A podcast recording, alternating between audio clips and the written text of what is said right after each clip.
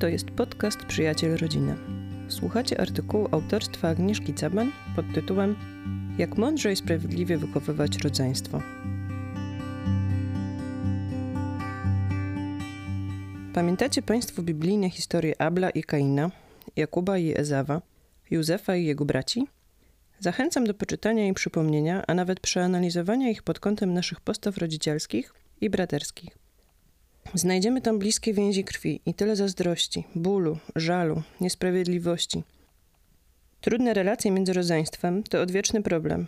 Czasem tak bolesne, że wymaga bardzo długiego procesu pojednania i odbudowy wzajemnego zaufania, zanim możliwe będzie doświadczenie szczerej braterskiej miłości.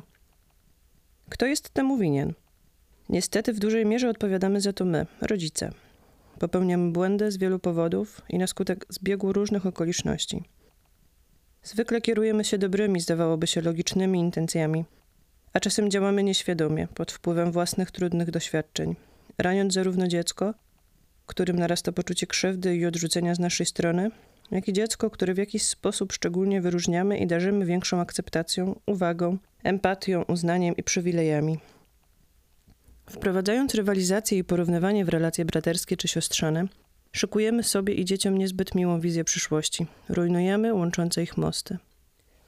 Aby można było powiedzieć, że nasze dzieci kochają się jak bracia, trzeba strzec się pewnych błędów i wyciągać wnioski z tych, które już się popełniło samemu lub których skutki widzimy w wielu rodzinach dookoła. I tu zaczyna się sztuka, którą jest wychowywanie dzieci i samo wychowywanie siebie. Jak wychowywać dzieci sprawiedliwie, bez faworyzowania jednego? Płeć, wygląd, cechy charakteru, zdolności, wiek, stan zdrowia, stosunek do nauki czy cokolwiek innego nie powinno być powodem warunkowania i stopniowania miłości ani porównywania. Miłość bezwarunkowa, taka jaką darzy nas Bóg, jest dla nas bezcennym pierwszym drogowskazem. Dzieci, aby dobrze się rozwijać, potrzebują od nas tej właśnie miłości, bez względu na to, czy zafundujemy im ciągłe karcenie, czy bezkrytyczne uwielbienie, ranimy je bardzo głęboko.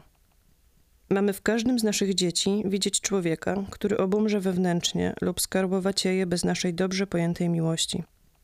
Aby dzieci mogły stać się dojrzałe jako dorośli i obdarzać w przyszłości wzajemnym szacunkiem i miłością, nie powinniśmy ich stawiać w boksach rywalizacji, ale w kole współpracy i szacunku. Unikajmy porównań, które wyróżnia jedno z dzieci. Szkoda, że twój brat nie potrafi się tak skupić nad lekcjami jak ty. Albo ładnie zjadasz wszystko z talerza, nie to co twoja siostra.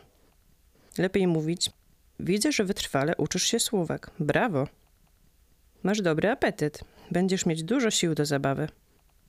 Powstrzymujmy się od porównywania. Zamiast to robić względem rodzeństwa, stawiając je w niekorzystnym świetle lub wyróżniając pozytywnie któreś z nich, mówmy tylko, co nam się podoba lub nie w zachowaniu dziecka, do którego się zwracamy. Przydaje się do tego schemat. Opisujmy to, co widzimy, albo opisujmy, co czujemy lub co należy zrobić. Pułapką jest też celowe faworyzowanie dzieci. Wyróżnianie któregoś z powodu jakichś jego cech czy zasług. Wszystkie strony płacą za to ogromną cenę. Biblijny Jakub źle zrobił, faworyzując Józefa, który zyskał fałszywe mniemanie o sobie i wywyższał się. Jego bracia czuli się niekochani przez ojca i ich zranione uczucia doprowadziły prawie do tragedii. Ojciec zyskał wiele lat zgryzot i cierpień. Relacje między wszystkimi były delikatnie mówiąc nieznośne i nieszczere. Nikt z nas nie chce takiej sytuacji w rodzinie. Gdy widzimy nasze dzieci skaczące sobie do oczu, zapytajmy się siebie, jaka głęboka potrzeba jest z nich niespełniona. I nie chodzi tu o kolejne wytwory materialne, ale głód miłości, prawdy, dobra, naszej uwagi. Pamiętajmy, że jeśli nasze pociechy nie nauczą się wzajemnie szanować i kochać w dzieciństwie, jeśli nie dostaną od nas jasnego komunikatu płynącego nie tylko ze słów, ale i naszych postaw, to ich relacje w życiu dorosłym mogą być nacechowane obojętnością lub wrogością. Pewnie chcielibyśmy, by się wzajemnie wspierali, pomagali sobie, chętnie spędzali czas ze sobą, dlatego nie porównujmy ich do siebie. Inaczej dajemy dzieciom narzędzie do chorej rywalizacji i zazdrości. Twój brat to zawsze dostaje piątki. Ścieli łóżko, pamięta o moich imieninach itd. Może zagrażać nam też inna niezdrowa wersja faworyzowania. Ola jest jeszcze taka malutka, ty za nią posprzątaj. Albo Krzyś jest chory, więc powinien jeść więcej owoców od ciebie. Czy Karol zawsze robi mi zakupy, więc mogę mu pozwolić na więcej niż tobie. może wracać do domu po 22. Jeśli przerodzi się to w rutynowe podejście i jedno z dzieci będzie zwolnione z rozwoju na swoim poziomie, stanie się tyranem dla drugiego, a nawet może rościć sobie prawo, że wszystko mu się należy kosztem rodzeństwa, a wyręczanie go to obowiązek wszystkich dookoła.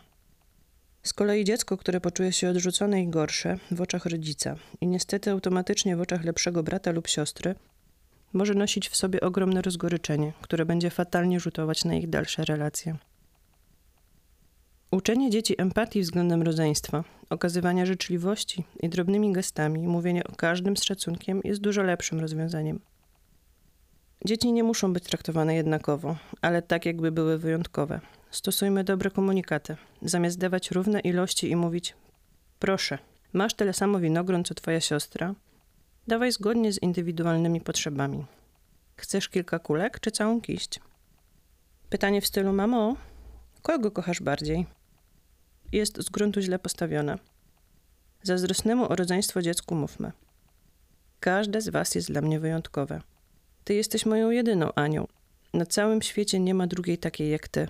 Nikt nie myśli, nie czuje i nie uśmiecha się tak jak ty. Bardzo się cieszę, że jesteś moją córką. Nie da się kochać porówno i tak samo. To złudzenie i dziecko wyczuła fałsz. Inaczej okazujemy miłość noworodkowi, inaczej synowi, który właśnie przegrał mecz. Jeszcze inaczej córce, która dostała się na wymarzone studia. Gdybyśmy chcieli obdarować przykładowo naszego dwulatka i piętnastoletnią córkę takim samym prezentem na święta, zakrawałoby to na absurd. Nikt nie będzie zadowolony. Tak samo absurdem jest okazywanie czułości i życzliwości tylko dwulatkowi, a jednocześnie obojętne odesłanie piętnastolatki po zakupy dla małego. Kochajmy indywidualnie, niepowtarzalnie każde dziecko, ale bądźmy przy tym ostrożni i uważni na jego potrzeby, uczucia.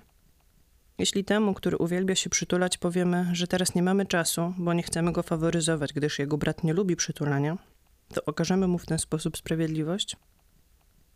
Zamiast starać się, by dzieci dostały wszystko w równych ilościach, weźmy pod uwagę indywidualne potrzeby każdego dziecka. Bądźmy też wrażliwi na potrzeby poświęcania dzieciom naszego czasu. Przeznaczmy każdemu dokładnie tyle, ile faktycznie potrzebuje.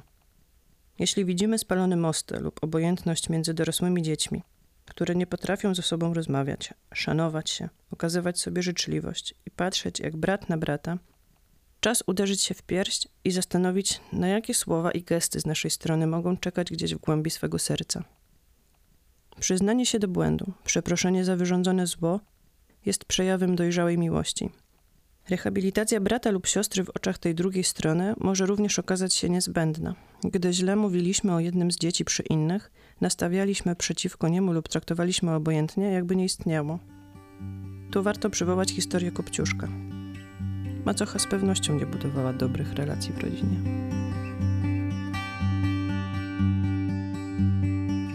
Tekst autorstwa Agnieszki Caban, opublikowany w magazynie Przyjaciel Rodziny wydawanego przez Centrum Życia i Rodziny. Nowe podcasty ukazują się w każdy poniedziałek.